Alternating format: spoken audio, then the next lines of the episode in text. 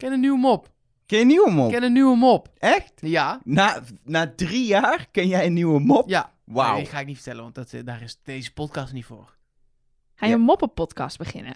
Zo. Marks We moeten, Moppenmania. we moeten hiermee ophouden. We beloven elke podcast dat we een en Adriaan podcast, een Samson nee, en Gert podcast... Het wordt steeds geopperd en ik zeg steeds nee. Oh ja, oké. maar dus dan... ik word steeds onsympathieker. Oh, dat is echt een nee. Ja, precies. Iedereen vindt het een goed idee, maar jij gaat het gewoon niet doen. Dus dan wordt... Ja, en je gaat ook geen moppenpodcast nee. beginnen, denk Wel ik. een goed idee, dagelijkse mop. Ja, maar even, serieus. We hebben, we, hebben, we hebben de afgelopen jaren, zonder op te scheppen, best wel een groot publiek opgebouwd. Een soort imperium met allemaal spin-offs. Laat me met rust. Het is al super druk. Dat is Wij waar. nemen vandaag, het is zondag 7 juni. En wij nemen vandaag drie podcasts op. Vier. Vier podcasts Vier. op. Ja. Ja, maar moet ik dan... En eh, moet ik ook nog over Bas en Adriaan, We moeten ook nog over moppen. We moeten ook nog over... Samson en Gert, je vergeet Samson Samson en Gert. Gert. Even, je kan dus vier podcasts op één dag opnemen. Ja, maar ik moet ook nog gewoon werken, hè? ja, maar dat, dat, als je een imperium hebt, Ja. dan hoeft dat niet meer. Ja, Deze podcast zit vol advertenties. Het geld stroomt binnen uit er die zit helemaal geen advertenties. advertenties in. er zit dit is niks. En dat hoeft ook helemaal niet. Ik vind dit leuk om te doen, maar het moet ook leuk blijven. Dat is waar. Dus hetzelfde als met friet eten. Als je elke dag ontbijt, lunch, avondeten friet met mayonaise gaat eten... dan is op een gegeven moment friet met mayonaise niet meer lekker. Ik heb dat zelfs nog in erger met de McDonald's. Ik heb elke Ja. twee maanden zin in de McDonald's. En dan heb ik het gegeten en denk ik, ah, dit nooit meer. En na twee maanden denk ik, oh, McDonald's, zin in. Dat is met podcast ook. Ik zie, ik, we hebben nu anderhalf, twee weken elkaar niet gezien. En nu gaan we weer een paar podcasts opnemen. En daar heb ik dan heel veel zin in. Maar als we er dan morgen weer vier zouden moeten, zou ik helemaal... Dus dan ben ik jullie beu, dan ben ik Ja, de podcasten beu. Dan wil ik toch zeggen, ik word dus elke ochtend wakker met Nelke. Ja, Dan zie ik er overdag ook nog best vaak. En als ik voorgesteld... Ik, en hoe bevalt dat? Ja, Ik ga, ga, ga even op de bank liggen, Elger. laten we beginnen. het voordeel is dat het goed verdient. Wat? Mijn vriendjes zijn. Nou.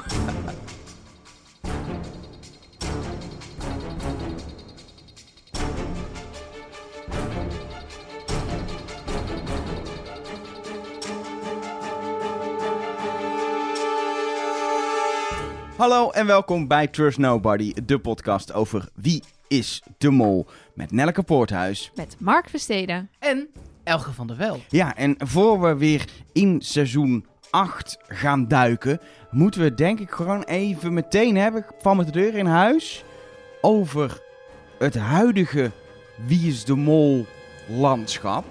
Want Rick McCullough, of hoe we dat uitspreken, heeft zijn paspoort gefotografeerd op Instagram. Met en een mondkapje. een mondkapje erbij. Ja, En de woorden, we gaan ons best doen, maar we kunnen niks beloven. ze, ze- hij zei, we moeten het in ieder geval proberen. We owe it to the fans. Wat ik, wat, dat was een lange hashtag. Maar wat denk je dat hij eh, aan het doen is? Nou, ik ga ervan uit dat als zijn paspoort op tafel ligt, dat ze ergens naartoe gaan slash zijn. Maar zijn ze aan het opnemen? Zijn ze een researchreis aan het doen voor een alternatieve locatie? Ik denk dat is laatst. Ik denk dat ze een land uitkiezen in Europa waar ze heen kunnen. En dat ze daar aan het kijken zijn, kunnen we het hier doen? Ik, ik- da- daar ben ik ook bang voor. Of bang voor. Eh, eh, ja, wel een beetje bang voor. Ehm, liever een seizoen dan geen seizoen. Laat dat eh, voorop staan. Ehm, maar laten we hopen dat ehm, daardoor niet een, een, een- een stom seizoen wordt. Met allemaal geïmproviseerde opdrachten. Ja, want we hebben in China gezien dat we een seizoen met geïmproviseerde, opdracht, geïmproviseerde opdrachten.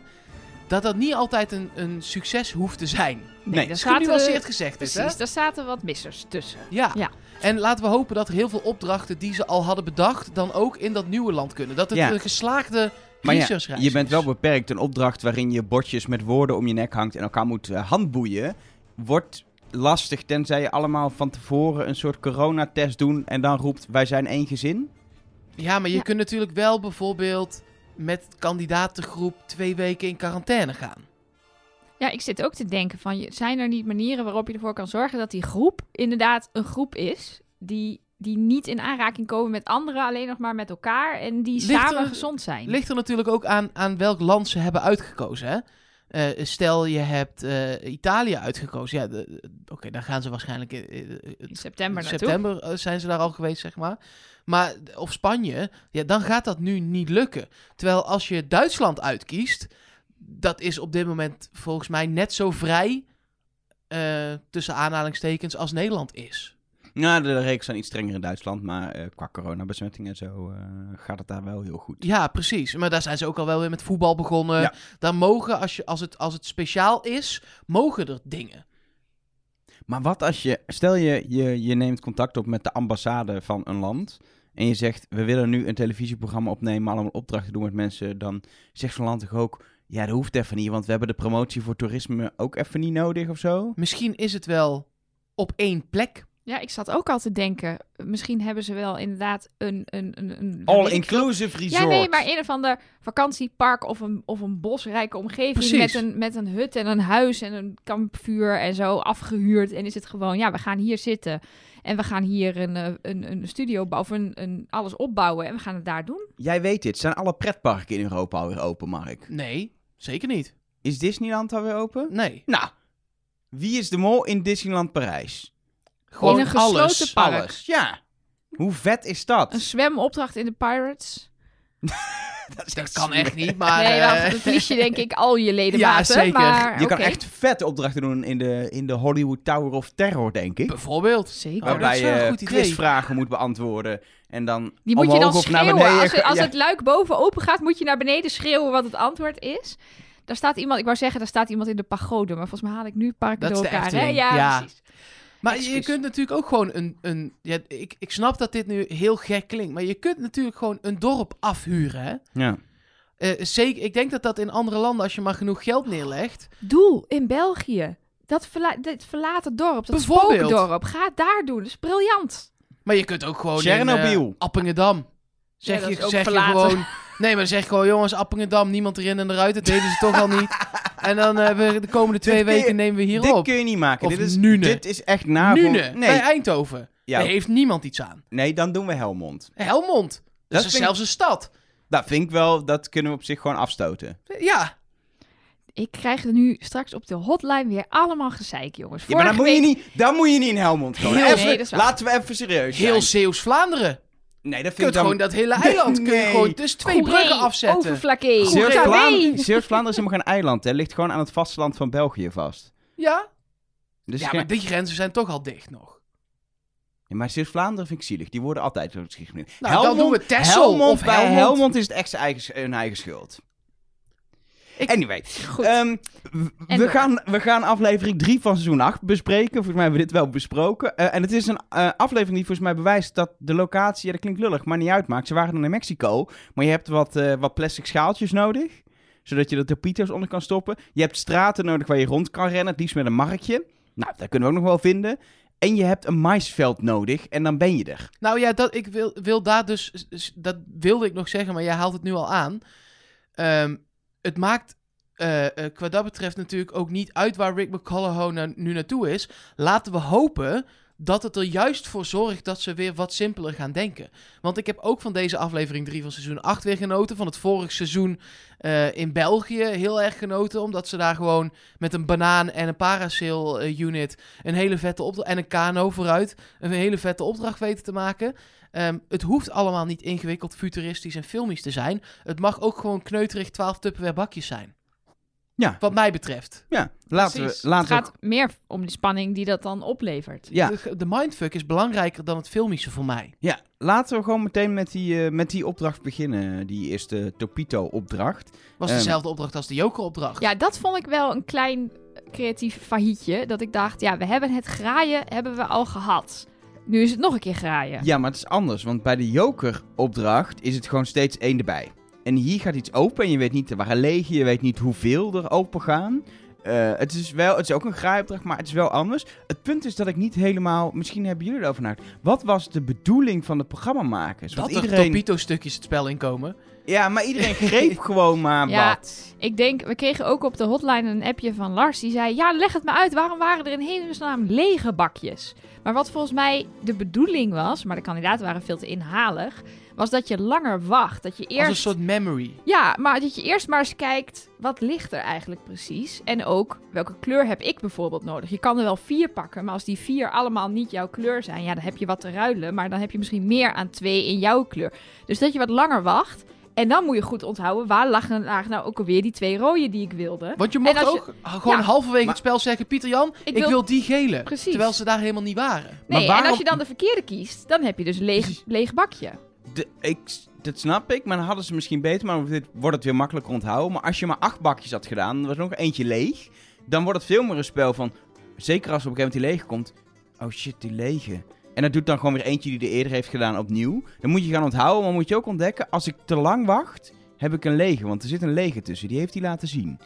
En dan wordt het nog meer een spel waarbij je dus ook agressiever wordt. Oké, ik wil eigenlijk die twee rooien. Maar ik moet ook niet te lang wachten, want dan eindig ik met... Weet je, dan... De, de mindfuck was niet groot genoeg, omdat er... Nou, hoeveel bakjes waren er? Ja, Complete Ikea aan bakjes? Een stuk of 40? 24, nee, 24 of zo. maar wel veel. Veel. Veel. Meer, veel meer dan dat er kandidaten ik vond het zo lief, want Pieter Jan probeerde het halverwege ook nog met... Ja jongens, jullie mogen er ook later nog op terugkomen, hè?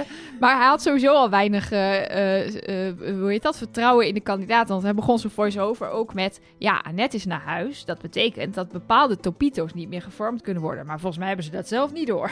dus eh, daar heb ik inderdaad niemand over gehoord. Ik vond het overigens als kijker wel extreem lastig om te zien wat daar lag. Door, dat we, ga niet, ik ga niet te veel weer zeuren over de pixels, maar ik had er echt moeite mee om te zien Ik heb dus wat, Ja. wat Ik er heb naar echt boven kwam. de tip. Je moet het kijken op een telefoon of een tablet. En je denkt, ja, maar dat is toch kleiner? Precies. Maar je ziet het beter, Je klopt. ziet het echt. Ik heb deze twee afleveringen in bed gekeken op mijn telefoon. Gewoon, Oh, jij, la- jij lag weer eens. ik lach weer eens.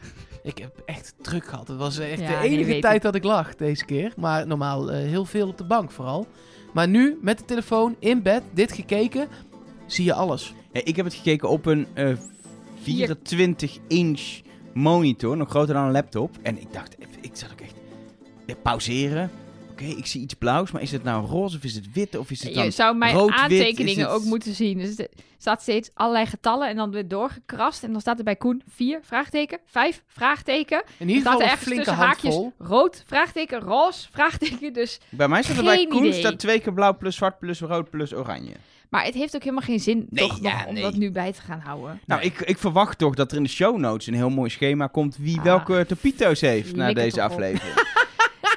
Nee, ik ben heel blij dat ik dat soort dingen niet meer eh, nu hoef te doen. Even want pauze het, van. Ja, maar het, heeft ook helemaal, het, het leidt je ook helemaal niet naar de mol. Dus als ik dit live had gekeken als, eh, terwijl we de podcast maken, dan had ik dat uiteraard geprobeerd. Ze zijn de hele tijd aan het ruilen. Je ziet maar een klein deel van die ruilacties. Was ik knettergek geworden van het feit dat ik niet alles weet. Terwijl eigenlijk, ja, levert je het je iets op over kennis van de mol? Nee, Hmm. leukere televisie dan Bondjes. Ik Ja, wil dat toch nog wel. een keer herhalen. Ja, ja ik, daar ben ik het wel mee. Ik zit even na te denken, maar ja, dit is wel leuker dan bondjes. Zeker, dat is een kleine tease. We mogen niet, er worden mensen wat boot als er te veel vooruitblikken. Maar in de volgende aflevering gaan ze ook echt ruilen. Dan komen Op echt die soort veld gesprekken, inderdaad. de Ja. gesprekken komen echt op gang eh, om eh topito's te wisselen. Ja, maar alvast daar even over, want dat deden ze dus nu ook, eh, dat ruilen. En op een gegeven moment wordt het zeg maar best wel duidelijk dat iemand richting de Topito gaat. Waarom zou je als kandidaat de ander een vrijstelling gunnen? Ehm daar daar zit op moeten een we het in gegeven moment... aflevering ja, daar zit een hebben. quote in aflevering Ja, 4. Van iemand, ik mag geen af, eh, eh, spoilers meer doen blijkbaar. Nee, dat klopt. We gaan 140 berichtjes over gehad. heel erg ons best doen om niks te spoileren over de maar volgende dit zit, aflevering. dit, dit zit in aflevering 4, moeten we het hier uitgebreider over hebben, want dan kunnen we vrij uitpraten. Oké, top. Ik, ga, ik hou hem nog even bij me. Excuus dat ik vooruitloop op de zaken. Conclusie naar deze opdracht die ik heb opgeschreven. Koen heeft veel topito's. dat is toch een duidelijke samenvatting van wat de situatie in het spel nu is. Ja, Oh god, Ja, ja. het is toch zo? Ja. Laten we verder naar eh, opdracht 2. Goed geldbedrag te verdienen. 4000 euro als ze een zin, lopende zin van 16 woorden weten te ja, maken. letterlijk lopende zin. Ja, ja. Ja. Oh, Eh, ja. leuk. Nice, nice. Acht kandidaten rennen het dorp op en neer, maar de mol saboteert en die zie ik. Die zin is eh, heel creatief opgeschreven, zodat Dennis met een bordje 8 en ik kan rondlopen. ja. Dat was natuurlijk een hint naar de mol. Kijk ook even naar Nelleke met haar alihoedje, maar Ja, jij zei al, het getal Ja. 8 gaat vaak Getal voorkomen. 8 komt vaker voor. En in deze aflevering zat inderdaad ik 8. Dus ik ben de achtste mol. Ja, dat was bewust. Het was eh, wel, vond ik, echt een, eh, een pittige opdracht, omdat je, die, dat gaat je niet lukken. Die volledige zin is, nee, is want dan, moet, onmogelijk. dan moeten de kandidaten in de juiste volgorde een beetje die bordjes pakken. Dus ze moeten allemaal door wat de zin is. Maar de eerste pakt, als de eerste, stel die gaat alle bordjes langs en weet wat de zin is, pakt je een bordje eruit en dan kom je er nooit meer achter wat de zin zou moeten zijn als tweede kandidaat. Nee. Dus je nou- pakt random iets. Maar er waren bij mij wel weer een aantal dingen niet duidelijk. Bijvoorbeeld, moesten ze meteen aan elkaar als ze elkaar tegenkwamen? Of mochten ze zeggen: Hé, hey, Mark, oh wacht, je hebt woorden die passen niet bij mij. Ik loop gewoon nog een blokje om en ik zie je straks Maar loop je dan alweer." met z'n tweeën om? Ja, maar het leek alsof het zeg maar zo was dat als ze iemand tegenkwamen, dat ze diegene eraan moesten Ik moet er verbinden. zeggen dat ik dat wel een logische Regel. gedachte Ja. vind. Nou, ook, het zou ik ook een logische regel vinden. Maar ik vind het...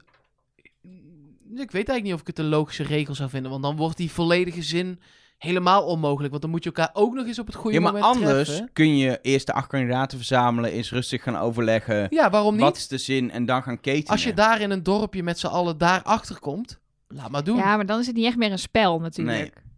Oké. En het maakt voor de mol het ook een stuk lastiger om te mollen. Nu kan de mol zich gewoon eraan ketenen. Of je kan, Nee, als je de is- mol niet eens bent, gewoon aan één kant alvast de handboei vastmaken. waardoor je de hele opdracht verpest. Ah, Viel trouwens wel mee, want Ja. Dunja moest gewoon haar. Eh, eh, je moet uiteindelijk zit je aan twee aan kanten twee vast. kanten Maar goed, maar eh, het is daadwerkelijk mislukt wat Dennis hier bedacht had als molactie. Want hij had bedacht dat hij zich gewoon heel erg lang afzijdig zou houden, niet gevonden zou worden. En dan, dan onderbreek je dus de zin. Dus dan zorg je ervoor dat het maximale niet gehaald kan worden. En als je er dan op een gegeven moment nog bij komt, ja, dan hang je dus aan het einde of aan het begin van zo'n reeks. En dan klopt er geen zak meer van.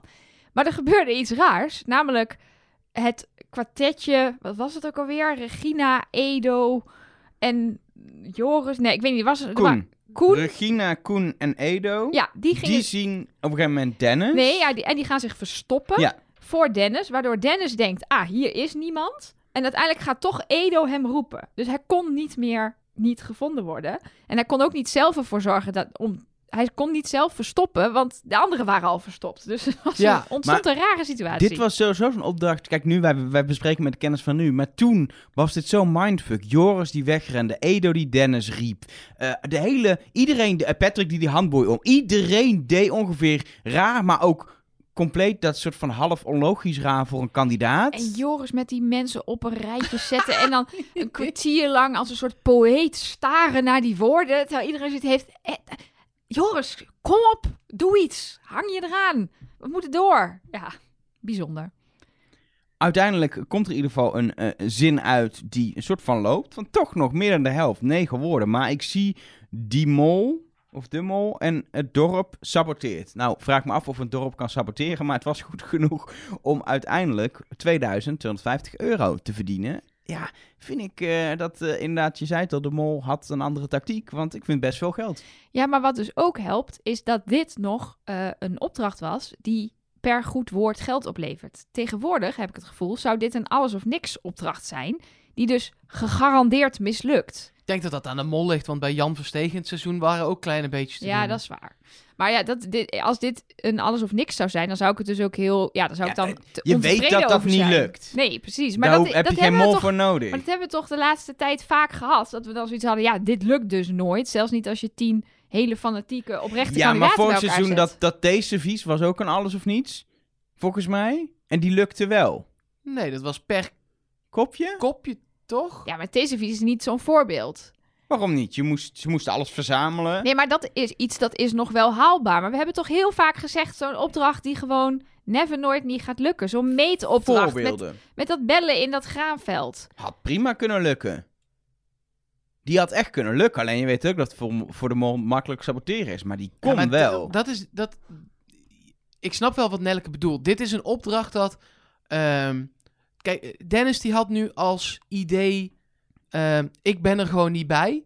En dan is het maximale alvast niet haalbaar. Maar als die andere zes dan gewoon hun best doen... dan komt er dus nog steeds zo'n bedrag uit. Ja, En dat is bij het meten ook niet. Want dan...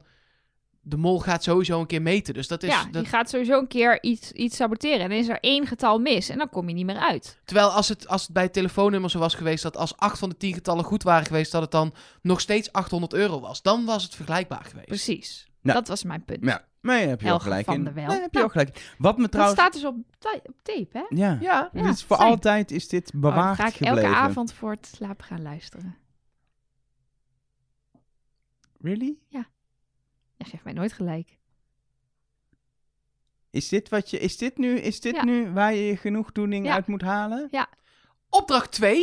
nee, ik Eh, wou nog iets zeggen oh. over deze opdracht. Ja. Dat is wel belangrijk. Ehm, want jij, eh, ik zit me net nog even terug te denken. Je had het over die tactiek van Dennis. Dit, heb, hij, dit is gewoon ook super duidelijk in beeld gebracht dat hij dit wilde. Want als hij wegloopt in het begin, zie je gewoon dat hij wegloopt van de groep en zo. En heel bewust bezig is om die mensen niet te vinden of zo. Nou ja, de opdracht was ook eh, de in en om de markt. En hij loopt echt wel vrij duidelijk op een gegeven moment de straten in. En dan niet de straat die zo rondom die markt ligt. Eh, maar ik moet zeggen, dat doet de rest ook. Want die liggen uiteindelijk op een of ander plein. Eh, en ja, ik weet natuurlijk niet precies hoe dat dorpje in elkaar zit. Ze Ja, dat liggen is op een plein Ja, die, op een gegeven moment achter zo'n... gaan ze zich toch schuil Oh, ja, ja, houden, ja. houden, gehurkt en alles. En daar had Edo geen zin meer in. En toen ging hij roepen: Hey Dennis! Hey Ja. Dennis! Dennis! Hey! Den ik dacht Edo, nou, was het goede Ja, was een imitatie? goede Ja. Daarom lieten we je ook even gaan. Ik moest ook zo lachen om dat geknor van hem. Dat hij dan op een gegeven moment gewoon denkt... Oh, dan loop ik hier met een potje om mijn nek. En ik, ik word gewoon zagrijnig, want ik vind het zo gênant. Een beetje de Miluska van, eh, van Ja. seizoen 8 was het. Ja, precies. Ik heb Had hier er niet geen zoveel zin zin in. in. Had het ook warm volgens mij. Ja, Snap ik ook. Met in fucking Mexico. Ja, je, je ziet sowieso, dit seizoen is zeg maar... eh, tegenwoordig lukt het ze zelfs bij 40 graden om niet te veel zweet op de shirtjes te hebben. Maar dit seizoen 8 is het nog gewoon natte t-shirtjes bij mensen. Met allerlei eh, zweetvlekken hier Terwijl en daar. na het fietsen en het rotsklimmen is het nou ook weer niet zo fysiek geweest nog. Nee, maar het is gewoon warm. Volgens mij. Ja. Ja, dat, Ja. ja. Het is Mexico, dus eh, het ligt eraan waar je bent. Als je echt de bergen gaat, niet. Maar volgens mij op verschillende plekken is het, eh, is het wel warm geweest. Ehm, de laatste opdracht van deze aflevering is de opdracht in het maisveld. Ja, het, het ziet er heel simpel uit, maar volgens mij het super freaking om, de, freaky om door een muisveld, maisveld te rennen. En dat er dus jagers zijn die je letterlijk gewoon, bij Regina gebeurde, gewoon op je springen met een snoekduik. Om gewoon je neer te halen. Maar eh, speelde jij vroeger in maisvelden? Ik heb wel vroeger, eh, toen ik eh, inderdaad op de camping heb gestaan, heb ik wel illegaal, dat is natuurlijk niet de bedoeling, maar als kind door maisvelden gerend. Ehm, Maar ik woonde naast maisvelden, echt letterlijk ernaast. En ik, dit zijn In mijn een zomers. Nee, in een gewoon huis in Twente. Daar hebben ze ook iets anders dan boerderijen en ik- ik tenten, Mark. Ehm, nee, maar echt, dit, dit waren mijn zomers. Gewoon echt in dat maisveld. En dat is Tikkertje of zo, of ja, wat? tikkertje, ehm ehm, douanespel, waarbij je vlaggen veilig... Mocht inderdaad ook niet allemaal niet van die boeren en zo. Maar het is echt, het is heel freaky, want je hoort geritsel, je weet niet welke kant je oploopt. Je bent na drie keer links-rechts af, ben je je gevoel voor richting kwijt. Ja, fantastisch. maar dit is dus de conclusie dat we niet Helmond moeten pakken, maar Twente. Goed idee. Dan doen we daar gewoon even niemand erin eruit en dan kunnen we daar... eh, we hebben nou net een dan? vakantie geboekt naar Twente. Daar mogen Dan we kun je niet ze naartoe. zien. Oh ja. Of meedoen. Dit is onze kant. oei, oei, oei, oei, Meedoen. oei. Nee, ja, maar ik vond dit ook door de soundtrack echt wel een lekkere opdracht. Ja, ik, maar ik, ik, heb een heel, ik heb een soort angstig gevoel haast bij maisvelden. Want toen ik tussen de... Vroeger mocht je nog drinken vanaf je zestiende. Tussen mijn zestiende en negentiende zat ik nog eh, eh, ook wel één of twee weken met mijn ouders op de camping in eh, Westkapelle in Zeeland. Aan de Jozefsweg, dat is gewoon zo'n campingstraatje. En aan de andere kant van het maisveld was de hooizolder. En dat was zo'n beetje de enige club waar je daar naartoe kon, in een hooizolder. Maar dan, ja, s'nachts dronken terug door het maisveld. Want ja, om het maisveld heen is om. Dat is gedoe. Ja, dat doe je dat niet. is als je, Maar zeker in het als je donker in een maisveld Zo, is echt eng. als je één muis hoort ritselen of één vogel hoort opstijgen... dan zit je gewoon eh, met poep in de broek eh, de laatste 200 meter maisveld eh, door te waggelen. Ja, dat is echt niet leuk. Dus ik, ik, ik vond dit ook gewoon weer eng. Ja, ik vond het ook. In het begin denk je, oh, dat is een maisveld. Maar toen ze eenmaal... Vooral toen Regina Ed werd, werd besprongen gewoon. Toen dacht ik, holy shit, dit is freaky. Ja, Als je daar loopt. die jagers waren, zaten er ook wel gewoon vol op, hè? Was niet tikkie, jij bent af. Nee, Nee. pakken wat je pakken kan. Ja, En dan ben ik wel benieuwd... er zijn eigenlijk twee opties. Dat is dat ze een soort locals regelen die ze gewoon huren voor een klusje als jager. Tuurlijk. Of dat het eh, productiemedewerkers zijn. Als het locals zijn, als het Mexicanen zou zijn, niks tegen dat, niks omdat het Mexicanen zijn, maar dan zijn het onbekenden die je nooit hebt gezien. Dat maakt het volgens mij nog extra freaky. Ik weet niet wat ze, wat ze hebben gedaan. Het kunnen ook gewoon inderdaad de productiemedewerkers die je iedere dag al ziet. Dan is het minder eng of zo, denk ik. Als het Ja. een soort onbekende jagers zijn, dat Ja, in mijn hoofd, weet- is dat het niet- altijd. Maar je, hebt, je ziet ze pas als ze je pakken. Dus het is sowieso eng, want je weet niet wie het zijn. Ja, maar als je op een gegeven moment weet, oh, ze zetten altijd gewoon eh, Piet en Jan van de, die normaal dat, weet je, dat eh, weet je volgens even de opdracht voorbereiden. In- Teun en Kim en... eh, Het zag er wel uit als een Mexicaan. Vooral diegene die op Regina dook. Nee, ik weet het niet. Kon je een beetje zien hoe dit eruit zag. Het waren wel maar vier pixels. Maar ik wou net zeggen, ik heb het niet gezien. Maar ik vond het ook eh, heel fijn dat er van die plattegrondjes in zaten. Oh, wat oh, heerlijk. En dat dan als de vlag werd gehezen, dat je het bedrag zag veranderen van 500 in 125. Ja. Dat we precies wisten wat er, wat er gebeurde. Dat ik dacht, ah, doe dit terug. Ik, wat ik niet, wat, dat snap ik dus ook echt niet. Er is op een gegeven moment een, een ding geweest dat Wie is de Mol meer een familieprogramma werd op zaterdagavond. Dat de opdrachten misschien soms ook simpeler moesten of zo. Eh, maar ook dat die uitleg is verdwenen. Terwijl uitleg maakt het voor een kijker makkelijker om te kijken, om te snappen wat er gebeurt. Maar ook makkelijker om de mol misschien op te sporen. Ja, omdat hij als enige eh, vlag die hij hijst een vlag is die het bedrag eh, verlaagt. Ja, Terwijl iemand anders ongeveer alle verdubbelingsvlaggen hijst. En diegene kun je dan afstrepen. Ja. Misschien omdat ze ook naar huis gaat in dezelfde aflevering, maar toch. ja. Ja, maar, maar, ja, dat, maar dat hoort er toch bij? We moeten toch Nee, gewoon dat vind weten... ik ook, We moeten maar- toch gewoon weten hoe zo'n opdracht werkt. Nee, maar ik vond zelfs nu al dat ik dacht... Op een gegeven moment begonnen ze te hakken. En ik dacht, hè? Om, omhakken, daar heeft echt niemand het nog over gehad tot nu toe. En dat, dat vind ik zo'n irritante manier Ja. van de opdracht vertellen. En- Waarom zeg je niet gewoon aan het begin... of dat nou Pieter Jan is in de uitleg... of een kandidaat in een, in een biecht... of een voice-over of een infographic. Maakt me niet uit. Maar zeg gewoon even... Je verdient het geld door de vlaggenmast om te hakken, punt. En niet halverwege... Nee, ik ga even mijn rant afmaken. Halverwege de opdracht blijken ze ineens een machete bij zich te hebben... en beginnen ze keihard op die paal in te hakken. Ik ben benieuwd ook overigens of die jagers ook wisten dat zij een machete bij zich hadden. Want dan was een heel ander spel kunnen worden dit. En eh. zo, zo, kijk, dat Patrick moest hakken. Lukte niet, maar dat het moest, snap ik nog. Maar als Koen volgens aankomt lopen, die had gewoon op zijn tenen kunnen staan, die vlaggetjes eraf kunnen halen. Er was echt nergens voor dat Koen die paal ging omhakken. Het sloeg nergens op. Maar jij zegt iets over inderdaad die, die uitleg. Ehm, die, die schemaatjes, die kennen we nu nog steeds uit België. Eh, maar in België hebben ze ook veel meer, en dat is in Nederland volgens mij nooit geweest, de voice-over. Nee. De hele voice-over die gewoon dingen uitlegt, die, eh, die mis... Want ik me- merk dat dit seizoen, tegenwoordig gebruiken ze heel veel kandidaten biechten als voice-over en anders heel veel muziek. En is het allemaal heel mooi gem- gemonteerd. Maar in dit seizoen merk ik nog heel erg dat je een soort van, bijna een soort stilte moment hebt, of er gebeurt gewoon iets, of dat ik denk, het is, de, de mist een voice-over of een biecht of een, of een betere muziek of zo. Er zit een soort van momenten in dat er gewoon niks gebeurt, lijkt het wel. Dat het kaal is of zo. Nee, dat was met Karel de Graaf. Dat was een andere presentator. Dit is B100. Oh ja, Dat is de presentator van dit. Die jaar. ook bij deze opdracht gewoon aankomt lopen en zegt... Hallo allemaal, eh, Nou. we gaan in dit... eh, maar, nou, gewoon die gewoon aankomt lopen. Hij deed alsof er een trap in het maisveld zat. Ja, klopt. hij stapte omhoog of zo. Maar hij zei ook gewoon, terwijl hij nog aan het lopen was, gewoon... Hallo allemaal. Eh, eh, het was heel erg onpretentieus of zo. Ja, weet love niet, Het it. was niet echt een moment. Lekker toch? Ja. Ja, maar dat is overal. Dat is, dat is ook die openingstekstjes van hem, waar, waar, waar, daar had ik het al eerder over, waar Rick en Art op een gegeven moment doen alsof ze een soort stuk poëzie aan het voordragen zijn. Zegt hij gewoon is, ja, de mol die eh, gaat gebruik maken van handboeien. Veel plezier bij de aflevering. Groetjes. Over eh, Pieter Jan gesproken. We hadden een, eh, een interviewverzoek uitgezet bij de Avotros. Maar eh, eh, hij is niet beschikbaar op dit moment. Wat is hij aan het doen Dus, dan? Ja, weet ik niet. Ik heb is hij teruggestuurd- kandidaat Dat bij het seizoen nou ja, dat zou, nu kan dat zou toch echt vet zijn. Ja, dit kan toch niet? Met zoveel kennis van hoe het programma gemaakt wordt. Ja. Alsnog meedoen? Nee, dat denk ik eigenlijk niet. Ik denk het ook. Maar Kijk, we, we hebben dus geen interview met Pieter Jan. Dus Ja, in ieder geval Ja. nu niet. Ik, heb ik denk dat dit een eh, eh, nette afwijzing is met daar heb ik geen zin in. Wat ook prima is natuurlijk. Eh, maar ik heb nog wel teruggemaild. Oh, wanneer is hij dan wel beschikbaar? dus wie weet komt daar nog een antwoord op. Dat is ongeveer dezelfde soort reacties die mensen krijgen die, eh, die de Avrotros op dit moment benaderen.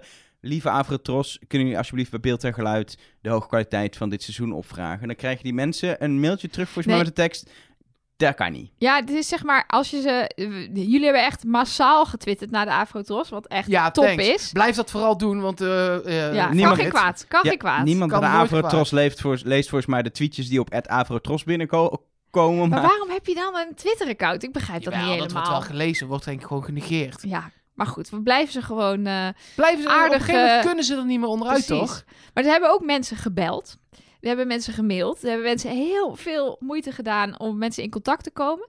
Eh, en eh, volgens mij hadden we ook een, een, een mailtje van Piet. Ik loop nou even vooruit op ons blokje met eh, mailtjes. Maar als je mailt, zouden jullie dat alsjeblieft in hogere kwaliteit online kunnen zetten? Dan sturen ze terug dat ze dat niet hebben, die hogere kwaliteit. Nou weten wij dus, dat ligt bij beeld en geluid. Dat kun je opvragen. Maar dat kost een beetje geld. Ehm, dus als ze dat... Toen heb ik dus mensen getipt van mail dat even specifiek terug. En dan krijgen ze inderdaad een soort van... Helaas is dit niet mogelijk. Nou, dat is natuurlijk niet waar. Eh, maar Eh, eh, Dat is, op zich heeft de Avrotros gelijk. Ja, Ja. de Avro kan het wel opvragen, maar zij mogen het gewoon niet verspreiden. Jawel hoor, ze, Jawel. kunnen, ze, mogen gewoon, ze mogen het gewoon... eh, want ik heb contact gehad met NPO Start Ja, al voor het seizoen. Ik denk, ik ga het eens proberen om het in hoge kwaliteit online te krijgen, want dit werkt niet. En NPO Start zegt, daar moet de omroep die de rechten, die het programma heeft gemaakt, die de rechten heeft zelf doen. Die kunnen het opvragen bij beeld en geluid. Daar moeten ze dan wel iets voor betalen. dan krijgen wij ze toch dat. wel betalen, of gaat het om duizenden Ja, euro? nee, maar dat Nee, mag joh. dus niet. Dus, dus Afrotros moet de opdracht Ja. geven.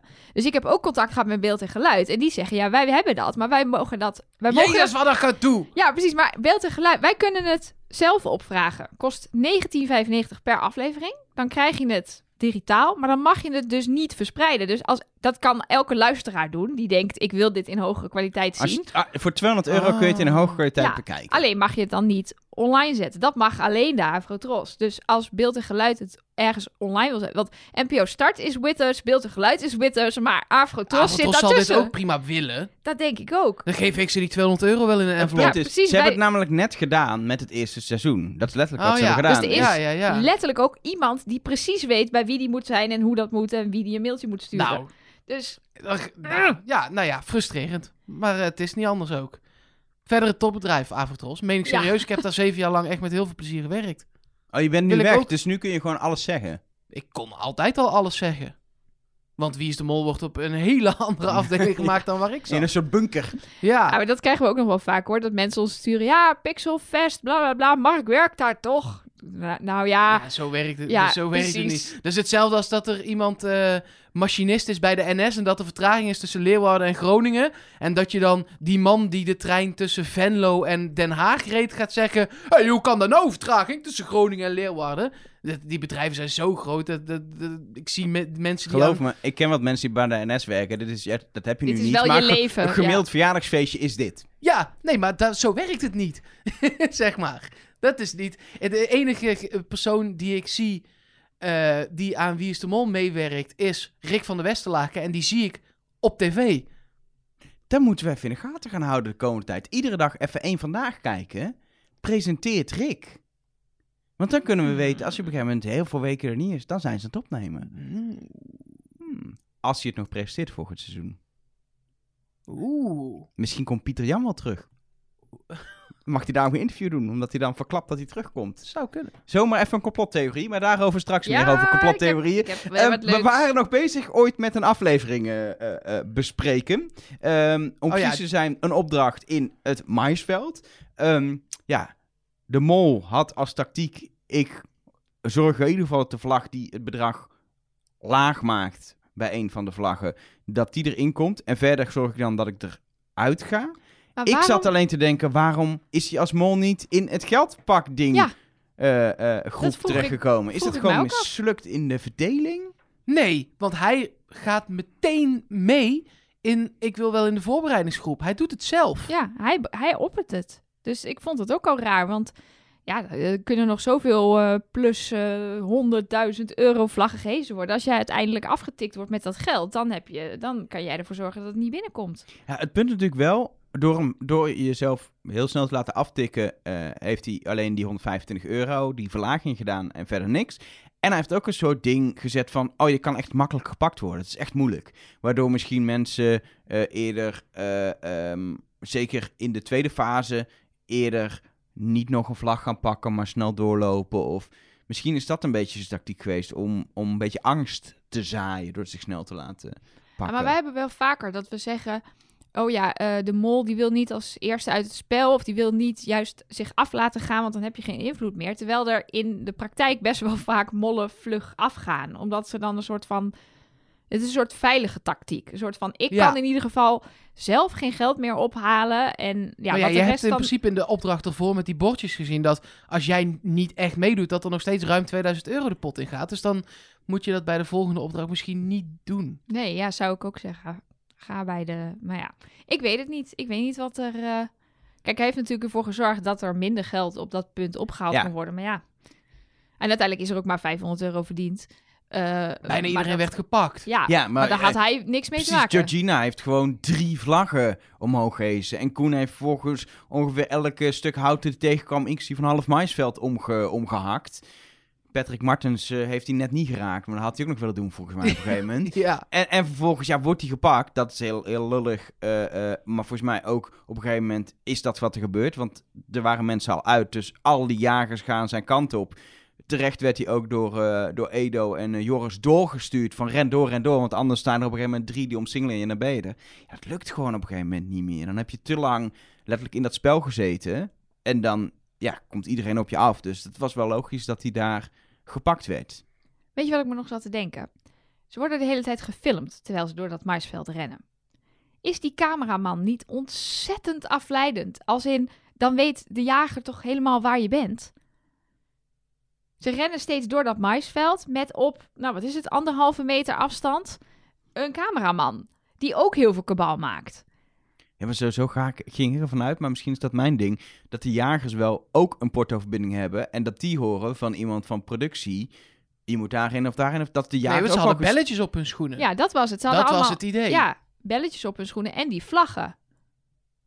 Hadden de kandidaten belletjes Ja, op heb je Heb het ik helemaal echt- gemist? Heb ik hier echt gewoon een stuk aflevering gemist? Ja, bl- ja, blijkbaar.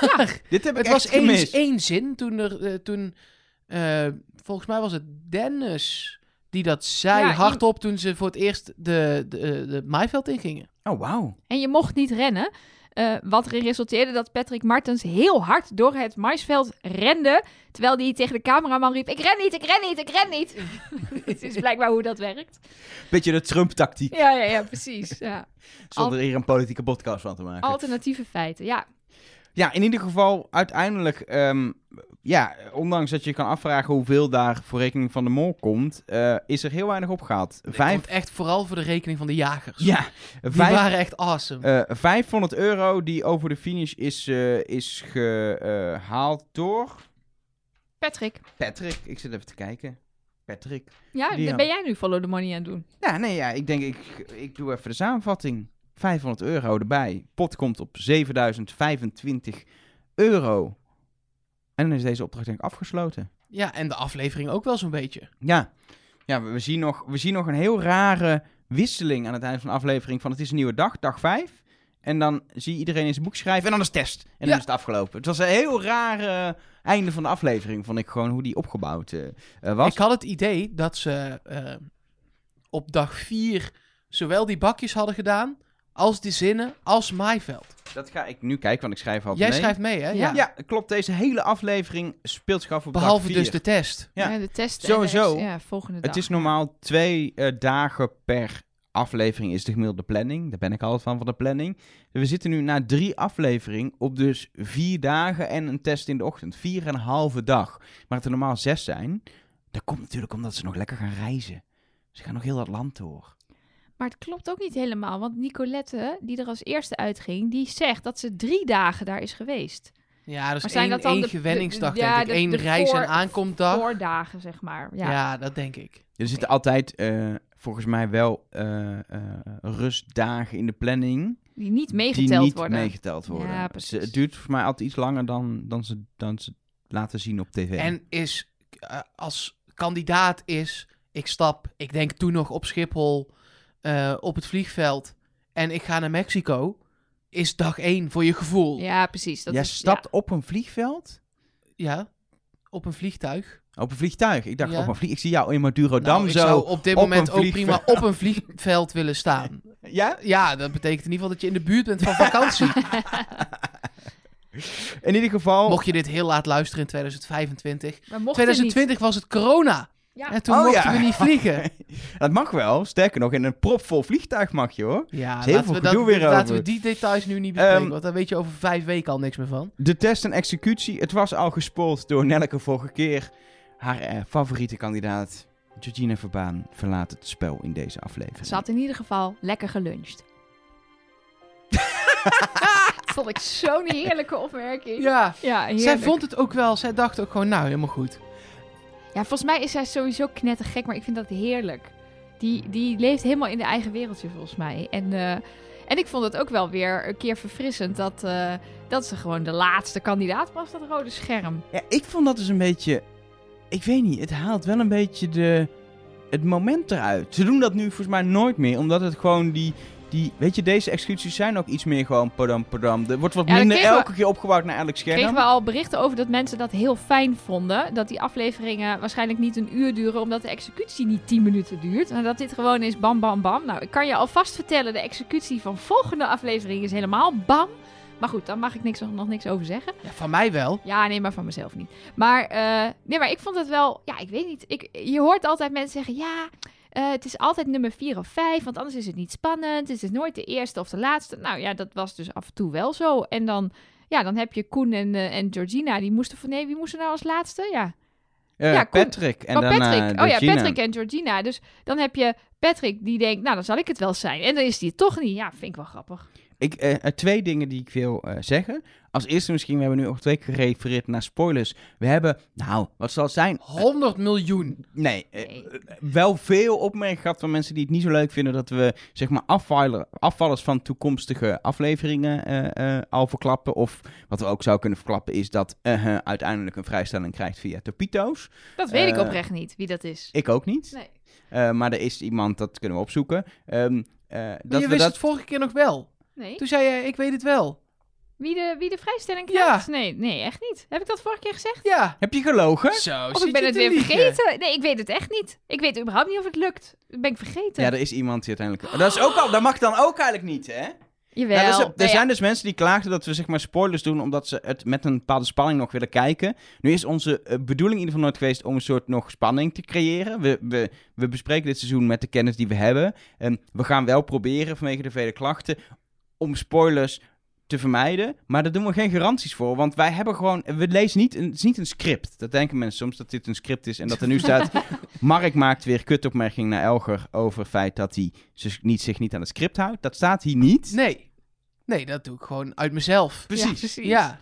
Nee. Ehm, maar ehm, daarin komt gewoon, flappen we er soms iets uit. En we gaan niet dan zeg maar een heel stuk overnieuw doen, omdat we per ongeluk een spoiler eruit hebben gevloept. Sterker nog, we hebben het, ik heb het heel vaak niet eens door. Omdat ik, dit niet. natuurlijk kijk met, met dat ik weet wie er wint, ik weet wie er verliest, Oh, wie ik weet wie er eens. uitgaat. En dan heb ik dus niet eens door dat ik iets spoil. Want het is twaalf jaar geleden. En ik snap dat je dan denkt, ja, dan is er helemaal niks spannends meer aan.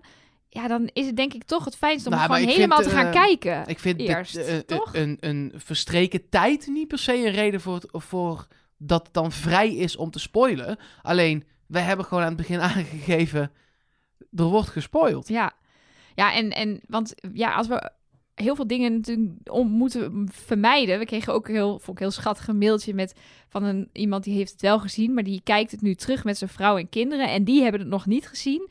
En die willen ook wel graag naar de podcast luisteren. Maar ja, dan zouden wij voor die mensen dus een podcast moeten maken alsof we helemaal niet weten wie de mol is.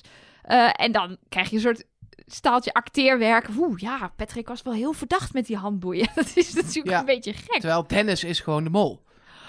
Oh ja, ja. Viel me trouwens wel op dat Dennis in deze aflevering helemaal niet zo aanwezig was. Het ging heel veel, omdat ook al die andere kandidaten vooral heel veel rare dingen deden. hè. Zeker bij die, Nou- eh, bij die tweede opdracht eh, met die botjes, maar ook wel in dat maisveld natuurlijk. Koen trekt daar heel erg de aandacht, eh, Georgina trekt heel erg de aandacht. Ehm, het gaat gewoon niet zo om Dennis. Ja, en wat, ik, wat me ook wel begint op te vallen, is dat je als mol ook echt wel, om een goede mol te kunnen zijn, geluk moet hebben met de andere kandidaten. Het is Zeker. heerlijk om een bliksemafleider te hebben. Een Edo en een Joris in je midden. Dat is toch fantastisch? Joris die de hele tijd irritant loopt te doen. Edo die, die eigenlijk ook een soort van mold, maar gewoon puur uit een soort ik heb hier geen zin in en ik en ook de hele tijd achterdochtig is. Ja, daar, daar ga je volgens mij als mol heel lekker op. Ja, maar dat is denk ik afgelopen seizoen heeft Rob ook echt... eh, Leonie was echt heel handig voor Rob. Maar ook het bondje Miluska en Buddy, waardoor die elkaar soms een beetje verdacht maakten. Daar heeft hij alleen maar van kunnen profiteren. Ja, maar het is en ook... Johan, iedereen profiteerde van Johan in zijn midden. als niemand gek doet, dan hoef je als mol natuurlijk... Kijk, we hebben nu, eh, op het moment dat we dit opnemen, hebben wij alle quizzen eh, gehad die we voor De eh, molquizzen met patrons, voor duidelijkheid. patrons... Patrons. Ja, ik ben 124 keer aangesproken tijdens quiz. Ik weet het nog steeds niet. Patrons, patrons. Hoe dan ook. Lieve luisteraars. Ehm, wij hebben natuurlijk een hoop mollen aan het werk gezien. En ehm, ja, wat daarbij ook... so- sommige mollen werden door iedereen ontdekt. Sommige mollen werden door niemand ontdekt. Soms was het een soort 50-50.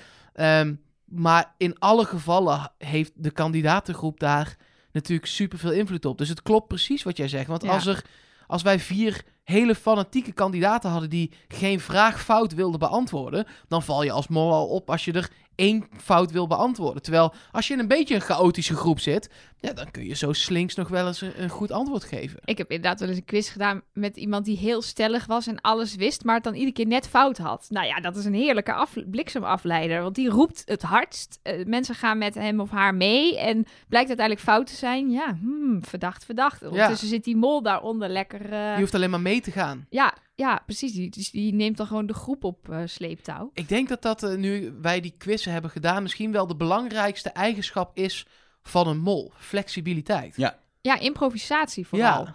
Dat je, want dat eh, tipte ik ook mollen. Want eh, af en toe kregen we inderdaad wel van eh, mensen die we de mol hadden gemaakt. De vraag, oh, wat kan ik het beste doen? En ik zei ook na een paar quizzen, als ze het zeker weten, ga gewoon mee met een goed antwoord. Als je dan gaat tegensputteren, die vraag heb je verloren. Dan kan je beter zeggen, als iemand heel hard roept, ik weet dit, dat jij dat dan gewoon ook roept. En dan ben je minder verdacht. En op de momenten dat iemand iets, een denkrichting oppert, die ook maar enigszins de foute kant op gaat, meegaan. Voeden en, en daarop doorgaan. Maar daarvoor moet je dus mega alert zijn en heel goed luisteren naar wat anderen zeggen en meteen daarop kunnen reageren. Dat is best wel moeilijk. Ja, dat, dat, dat lijkt mij zelfs inderdaad. En Zelfs jou? Ja, Zelfs kan- de opperman, de superman Nee. van het mol. Nee, maar ik kan wel, ik kan ook, ik kan me heel goed aanpassen aan die chaos die jullie elke week creëren in deze podcast. Daar wijs ik toch wel als, als host. Ehm, maar eh, mij lijkt dat in zo'n quiz toch wel, ik was blij dat ik het presenteerde en niet meedeed, zeg maar. Eh, zeker niet als mol, want het had me best wel pittig geleken Ik had in het sommige zo groepen. graag gedaan. Ja, We, we kunnen best een rondje doen, dat je weet de antwoorden al. Dan gooi je jou gewoon in een groep erbij. Dan Ja, weet en dan ze ook valt- meteen dat jij de mol bent. dit Ja, is een goed idee. Goed Laat, ik wil nog hoor. heel even terug naar de aflevering. Er waren namelijk Waarom? twee We dingen die ik wilde zeggen. Nee, er waren twee dingen die ik wilde zeggen bij de executie. Ik had er pas één gezegd. Het tweede is wat me nog heel erg opviel bij deze, is dat ze allemaal een koffer en zo eh, bij zich hadden. Dat hebben ze tegenwoordig niet meer. Ehm, maar daardoor voelt het allemaal veel soort van minder geasseneerd. Ze hebben gewoon ook hun rugzakjes vaak bij zich. Het is allemaal gewoon... Het is wat meer... Wat we eerder ook al zeiden, die kandidaten zijn op reis en doen opdrachten en spelen het spel en het gebeurt gewoon. En minder soort in, in, in, in ja, Nou, minder geholpen. Eh, Ja. Natuurlijk is, zijn ze nog steeds geholpen met hun koffers. Want zo, dat, eh, maar het voelt dan in ieder geval alsof ze echt de hele tijd zelf hun koffer eh, bij zich hebben. Ja. Dat is fijn. En daarmee denk ik wel dat we de aflevering eh, kunnen afronden. En ik heb nu al zin in volgende week. Ik ook. Oh, dan, dan ik ook. Ik ga niet spoilen, maar eh, in een kerk. Met kaarsen. daar heb je, daarmee heb je Het echt zat in de vooruitblik, Mike Versteden. gezegd. Het zat in die, die vooruitblik ding, zat een scène. Ja, je hebt er eh, eh, een weekje op moeten wachten. Eh, maar mocht je in de afgelopen twee weken patron patron zijn geworden van Trust Nobody, ehm, dan gaat Elger zo meteen je naam voorlezen. Ehm, als je nu denkt, wat is dat, patron? Dan eh, steun je ons vrijwillig financieel via patreon.com slash trustnobody of de steun ons pagina op trustnobody.nl. Ehm, en dat vinden we natuurlijk heel fijn. Je krijgt er bijvoorbeeld ook zo'n quiz voor terug, waar we het eh, net over hadden. En we zijn nu Ja, ook... nu eh, niet meer, want we zijn echt net klaar met de Ja, quiz. god, als, iemand, als, als, als we tien nieuwe krijgen en ze willen hem doen, dan wil ik hem met alle liefde nog een keer geven. Dat is waar. Ja, geen probleem. Ehm, maar we zijn ook weer aan het nadenken wat we dan in het najaar kunnen doen. En er liggen nog wat fysieke dingen op de plank voor als corona voorbij zijn. Dus er- je krijgt echt wel leuke dingen er ook voor terug. Ehm, en er zijn ook mensen die de afgelopen twee weken dat geworden zijn. Ja, en die namen die zal ik even delen. Want dat is ook een van de dingen die je krijgt, is dat ik je naam voorlees. Meestal zelfs goed uitgesproken. Niet altijd, geen garantie, Nee, maar, maar ik doe mijn best. st- steeds beter. Precies. We beginnen met eh, Rick Siebum, Robin Bremer, Lot Fransen, Ivar van Os, Lisette Koen en Jens Heijnen. En wat was wel leuk, ik heb... Het is eh, volgens mij Lieselotte Koen. Zei ik Lisette? Ja, Het is inderdaad Lieslot. Ik heb zelfs met Lieslot een, een quiz ge- gespeeld. Ze heeft hem zelfs gewonnen. Oh. De laatste quiz, want ze was patroon geworden. En, en letterlijk twee dagen later zat ze in een quiz. Zo snel kan het gaan. Want er was nog een plekje en ze was net patroon. En toen heeft ze hem zelfs eh, eh, nog gewonnen. Dus die is, eh, die is helemaal blij Dus dan- volgens mij. ben je dus onze laatste quizwinnaar in jouw eigen quiz. En dan weet je nog steeds die naam niet goed voor te lezen. Nee, sorry. En zelfs je nichtje heet zo. Ja, Kom op, sorry. zeg. Nee, je heet ook Lieselotte Koen? Nou, bijna, bijna. Nee, Die is, heet- ook, die is ook patroon Die heet- trouwens. die Lieselotte Oldeboerrichter. Leuk. Nee, ze heet Lieselotte Koen Zwijnenberg. Welkom allemaal en heel erg... Ik ga hier gewoon overheen. Ja, dat?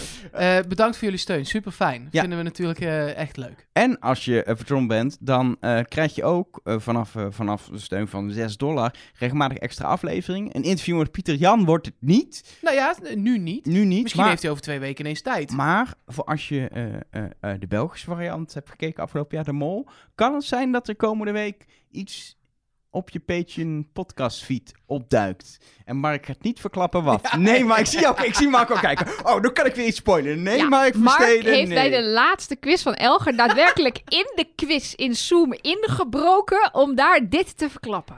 Het En toen ging ik ook weer. Mark, wat, maar wat is dat in jou dat jij gewoon niks niet kan verklappen? Enthousiasme.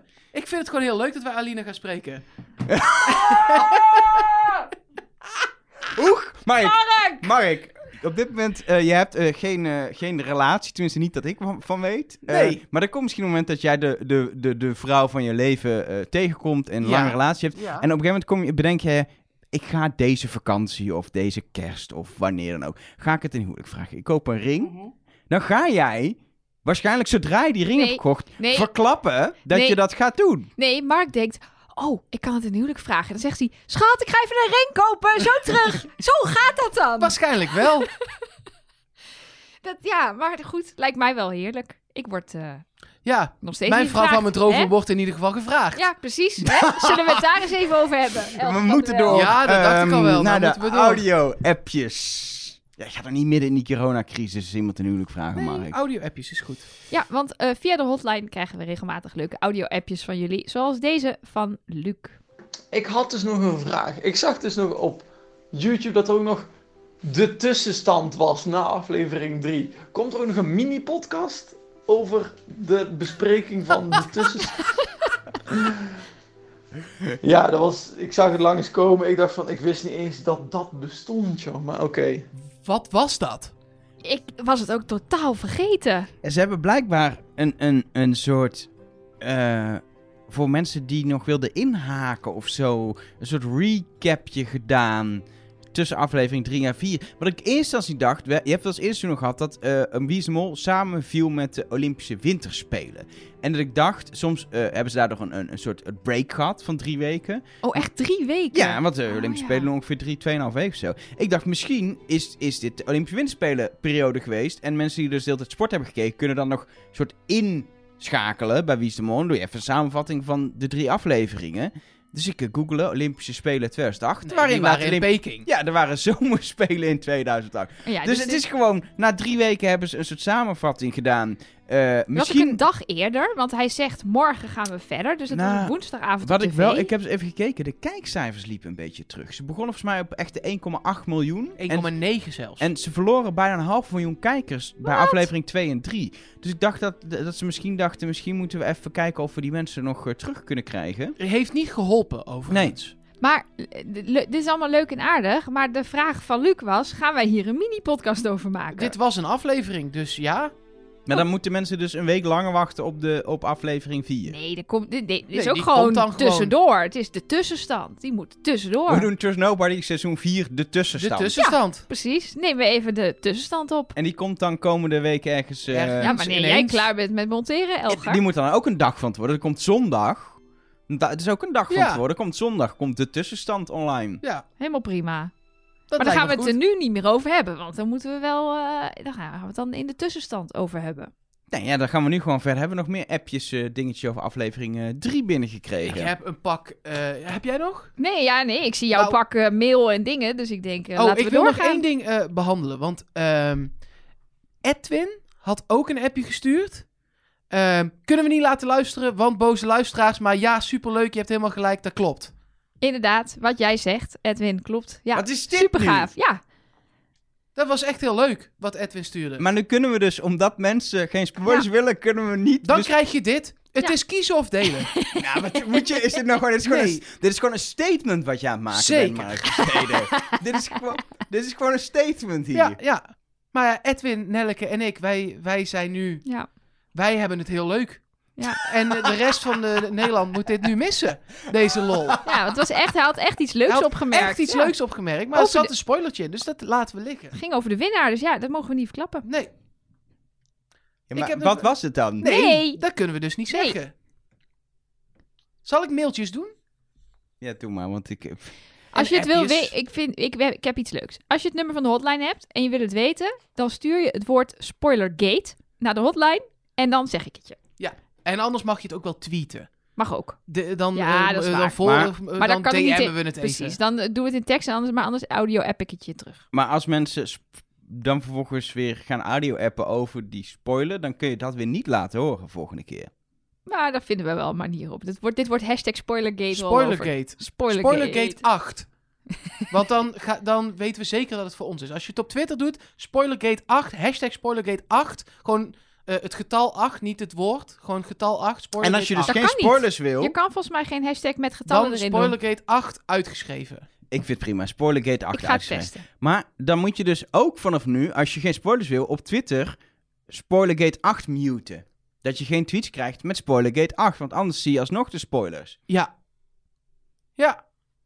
Hashtag Spoilergate Kan je 8. nou... sp- Spoil, kan je We nou doen het gewoon uitgeschreven. uitgeschreven? Oké. Spoilergate 8. Mark, snel meer berichtjes, Oké, want meer anders berichtjes. lopen we uit. Oké, oh, ik wist niet dat er aan een eh, tijdslimiet zat aan een Op een gegeven moment is het cassettebandje vol. Oké, oké. Ehm, Lars die stuurt een bericht via de hotline. Hey, hey, tip voor Mark. Als hij een Comic Sans vrije basisschool heeft gevonden en die kinderen komen er, noem ze dan Bruno en Gilles. ja, zeg nooit nooit. Sowieso blijken er heel veel Comic Sans vrije basisscholen te bestaan. Want er is een heel leger opgestaan na, jouw, eh, na jouw opmerkingen over de nieuwsbrief van de basisschool in aflevering 1. Van basisschoolleraren die zeggen: Ik gebruik nooit Comic Sans. Ik heb net zo'n hekel aan dat lettertype als jullie. Dus je kunt gewoon jezelf gaan voortplanten, Mark. Fijn, als zich dan ook via diezelfde kanalen dan nu een hele leuke vriendin wil melden, dan eh, zou dat heel fijn zijn. Ehm, Lieke Het is, zegt... wel, het is wel fijn dat iedereen heel snel weet ook dat je kinderen krijgt. Omdat jij een week na de zwangerschapstest al spoilt dat, dat, dat ze zijn twee jongens en ze gaan Tom en Tim heten. Ehm, een berichtje van Lieke voor Nelleke. Eh we twijfelden of Trust Nobody wel gefluisterd mocht worden, omdat dat op dit moment in seizoen 8 eigenlijk nog niet is geweest. Ehm, en Lieke stuurt, je zou niets is wat het lijkt kunnen fluisteren. Niets is wat het lijkt. Fun fact, zo had de podcast ook bijna geheten. Dat is waar. Ja, dat is Ja. waar. Dat was onze tweede optie.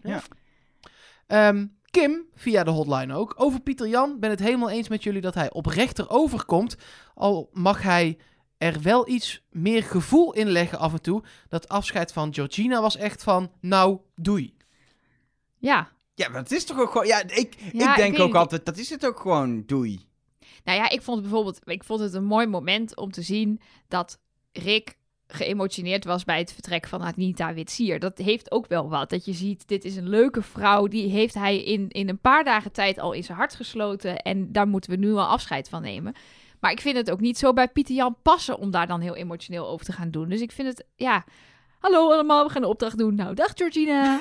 ja, dat is een beetje hoe die dat Ja, doet. Doe nog dat is keer Pieter Jan ja. Doe het nog een keer. Nee, het staat op tape. Monteer het er nog maar een keer in. Ik heb wel wat beters te doen. Oh, dus naar Mark luister je wel?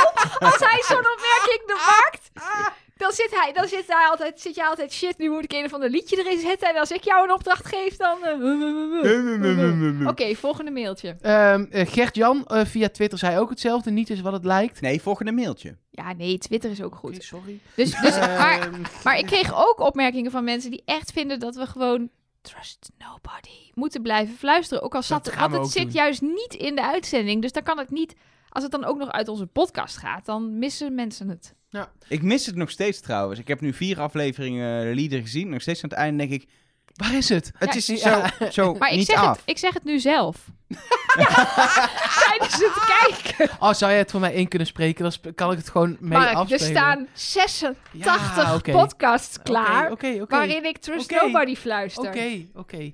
Ehm, dan nog twee berichten via de mail. Eén van Tristan en die gaat over Follow the Money. En één van Alex en die gaat over eh, jouw molpuntsysteem, Nelleke. Oh ja, molpunten. Ja, ehm, ik begin gewoon bij mezelf. Want ja, zo gaan die dingen. Ehm, of ik niet benieuwd ben, vraagt eh, Tristan zich af, hoe goed de follow the money theorie nu werkt in dit seizoen. Ik zei, ik ga het nu niet doen, want het gaat sowieso naar Dennis leiden. Ehm, ik, ben op, ik ben zijdelings wel een beetje in mijn hoofd aan het tellen hoeveel Dennis ophaalt. Maar ik ben niet per se aan het vergelijken met hoeveel anderen ophalen. Ehm, en, eh, eh, Dennis staat, ja, we hebben nu ook aflevering 4 gekeken.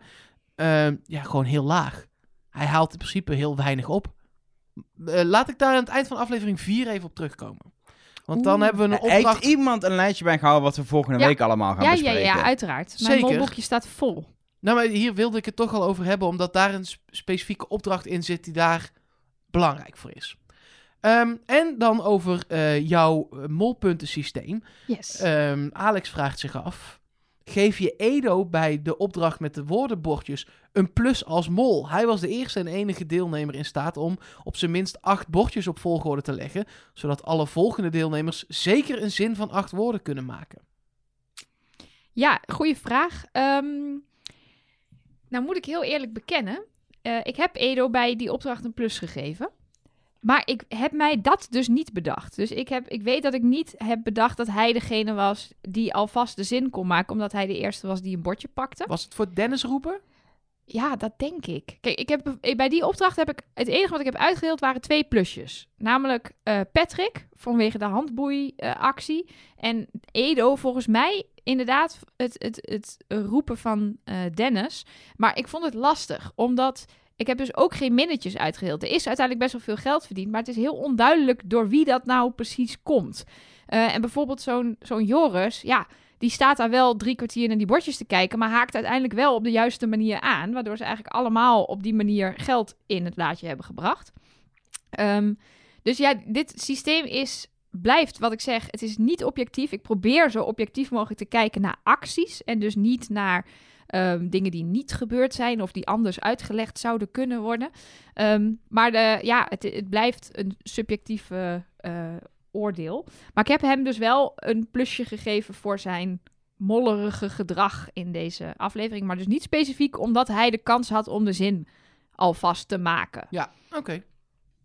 Hoe gaat het verder met de plusjes en minnetjes? Ja, eh, Dennis staat nog steeds bovenaan met vijf punten. Eh, en daarna komen Patrick en Joris met twee. Dus hij. eh, Dit is na aflevering 3. dit is naar aflevering drie. Dus Ja. hij. Ja, kijk, Dennis heb ik dus bij. Opdracht 1 ging geen geld, eh, was geen geld mee gemoeid, alleen maar topito's. Dus dan doe ik niks. Want topito's maken voor de mol echt helemaal niks uit. Nou, hier Nou. dus. Ja, maar niet. Ik, ik oordeel dus op geld in of uit Ja, de pot. snap ik. Dus daar kan Ja, ik niks nee, mee. Zeker. Tenzij er straks een opdracht komt waarbij topito's voor geld ingeleverd moeten worden of zoiets. Dan Ja. kan je natuurlijk wel weer wat doen. Zoals met die jokers. De jokers ehm, ehm, eh, inleveren eh, kosten geld. Dus dan is het een molactie om in. de, mol- om de jokers in te leveren.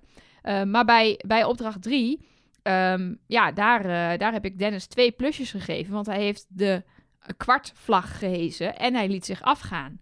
Ehm, ja, Koen heeft ook een plusje gekregen omdat hij afging. Regina ook een plusje omdat ze afging. Doenja dan eerst een minnetje omdat ze een, een, een eh, volgens mij een, iets, een vlag heeft gehezen, toch? Een plusvlag. Twee keer. En Dinja hijst eh, twee keer vlag. Nou ja, precies. Maar, maar Georgina had toch ook drie vlaggen gehezen? G- Gina heeft er drie gehezen. maar Dunja waren er één. zes vakken dan? Vijf. Vijf. Oh, Dennis. Nou één, ja, namelijk de kwart. Het, komt er, dus, het de- komt dus op neer dat ik dus heel sec kijk naar die acties. Ben je af, krijg je een plusje. Haal je geld binnen, krijg je een minnetje. Dus Patrick heeft daar een minnetje, want hij heeft geld binnengehaald. En Edo heeft daar een minnetje, omdat hij daar, vond ik, eh, in de toren ehm, heel erg goed zijn best deed. Met richting de zon, dat soort dingen. Dus loop richting de zon en niet dat links-rechts, want dat, daar, nee, dat soort dingen. Goed, dus tot nu toe gaat het goed. Maar ja, ik weet ook wie de mol is, dus dat lijkt me ook logisch dat het goed gaat. Tijd om, eh, denk ik, jouw alihoedje op te gaan pakken. En het te gaan hebben over eh, de hints eh, en theorieën. Of wordt het gewoon alleen maar een complottheorie? De hints en theorieën, eh, ja, Dennis liep met acht en ik. Dat, dat was het een beetje, dit, deze aflevering. Is ook een goede hint, Is toch? een goede Ja. hint. Maar ik moest wel denken, toen ik het zag, dacht ik, wow, in your face. Maar toen denk ik, ja, maar Edo loopt met mol, Joris loopt met saboteur. Als Ja. je niet weet wie het is, dan kan het nog En wel die- alle kanten op. En die trucjes met eh, een hint via een getal naar het nummer van de mol. Wat is natuurlijk eh, later... eh, is dat een spoiler dat het in seizoen 10 gebeurt?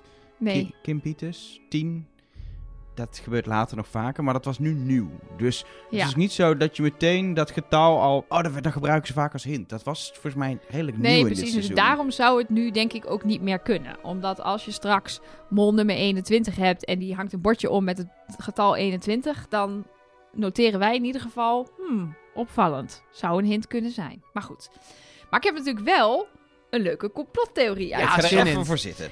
De- eh, we hebben zoveel tips gekregen. Echt super tof. Eh, De, complottheorieën die ik zelf ook al kende. Maar dat maakt helemaal niet uit. Want dan dacht ik weer, oh ja, die is vet. Dus blijf ze vooral insturen. Ik heb ook Die complot... is vet. Het is gewoon een hele serieuze business waar we het hier ja, over en die hebben. is, die is, dat is ernstig. Een Precies. ernstige zaak. Ehm, ik heb complottheorieën binnengekregen waar ik nog nooit van heb gehoord. Maar waar ik nu tot over mijn oren in zit. Wisten jullie bijvoorbeeld dat de aarde hol is? En dat daar allemaal reuzen en elfen en zo en trollen wonen? Zeker. Ja, dat Ja. is zo. Ja, Elge van der Wel. Ik zit nu, ik zit Er opeens... zijn in de- ik zit- satellietfoto's van, ik- hoor. Van NASA, maar die verbergen ze voor Ja. jou. Satellietfoto's van het binnenste van de aarde. Ja, nou ja, dat, er- dat er kraters zijn. Waar je dan naar het binnenste kan. Goed, dit eh, bewaren we voor een andere Ja. podcast. Ehm, vandaag wil ik het eh, graag met jullie hebben over Finland. Ben je wel eens in Finland geweest, Mark? Nee. En jij, ik, eh, Elgar? Ja, Eh, twee keer in Helsinki. Ja, Helsinki ligt in eh, eh, Oost-Zweden. Nee, eh, in Finland. Nee, En Helsinki in, ligt in Oost-Zweden. In Rovaniemi ben ik ook geweest. Ja, dat is eh, West-Rusland.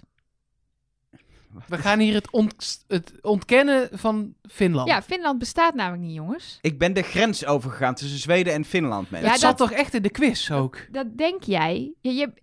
Nee, jongens, jullie, jullie zijn hier ook ingetrapt. Dat is het. Finland bestaat namelijk niet. Als in het woord Finland bestaat, het volk de Finnen bestaat. Er bestaat ook een Finse cultuur. de Alleen taal, de die taal niet bestaat. te volgen is, kan ik je vertellen. Absoluut. Bestaat. Nokia bestaat, Nou, zeker nou, in daar gaan we nu- 2008. daar ga ik het Hou zo nou meteen even nog op, even want over ik hebben. wil nu weten wat hier gebeurt. Ja, want over Nokia. Nokia is ook onderdeel van dit complot. Wacht maar. Want wat bestaat er niet? Het land Finland. Op de plek waar wij op de kaart denken dat Finland ligt, ligt een oceaan. De Finse oceaan. En niet het daadwerkelijke land. En de plekken waar steden zijn, want Finland bestaat echt voor 90% uit bos. De plekken waar steden zijn, dat is eigenlijk Estland of Rusland of Zweden. Alleen denken die mensen dat ze in Finland wonen. Ja, maar ik ben Ja. met de trein, ben Ja? ik zeg maar na- naar het noorden, ik ben naar het noorden van Zweden, dat was met de bus trouwens, maar naar het noorden van Zweden Ja, zie, gegaan. dan ga je al. Boven de zee die daar tussen Zweden en Finland ligt. In Luleå was ik. En toen ben ik van, met de trein van Luleå, ben ik over de grens gegaan. En toen helemaal weer naar het zuiden. Ja, Ja, dat denk helemaal jij. door Estland en een stuk Rusland. Totdat je weer... Ja, maar ik heb In- nooit... Ja, bij de Russische grens had ik dan toch mijn paspoort moeten laten zien. Waarom kijk. is dit? Precies, waarom is dit? Dit is ontstaan in de Koude Oorlog. Want ehm, Rusland en Japan, dat is altijd al een beetje een Water rare... en vuur. Nee, ja, ehm, ja, maar ook weer niet. Het rare is, ze waren in de Tweede Wereldoorlog, zaten ze niet aan dezelfde kant van, van, van de oorlog. Maar toch zijn er heel weinig gedoe tussen die landen geweest. Gorbachev is in de Koude Oorlog heel vaak naar Japan geweest. Had altijd een verhaal over. Ja, en eh, de relatie wordt steeds beter. Maar waar ging dat nou precies over? Nou, dat ging dus over Finland. Of eigenlijk over de Finse Oceaan. Want dat stuk is ontzettend visrijk. En de Japanners die vissen zich daar helemaal te pletter. En ze hebben Finland bedacht om ervoor te zorgen dat de Japanners, zonder dat ze zich aan de reglementen hoeven te houden, daar gewoon die zee leeg kunnen vissen.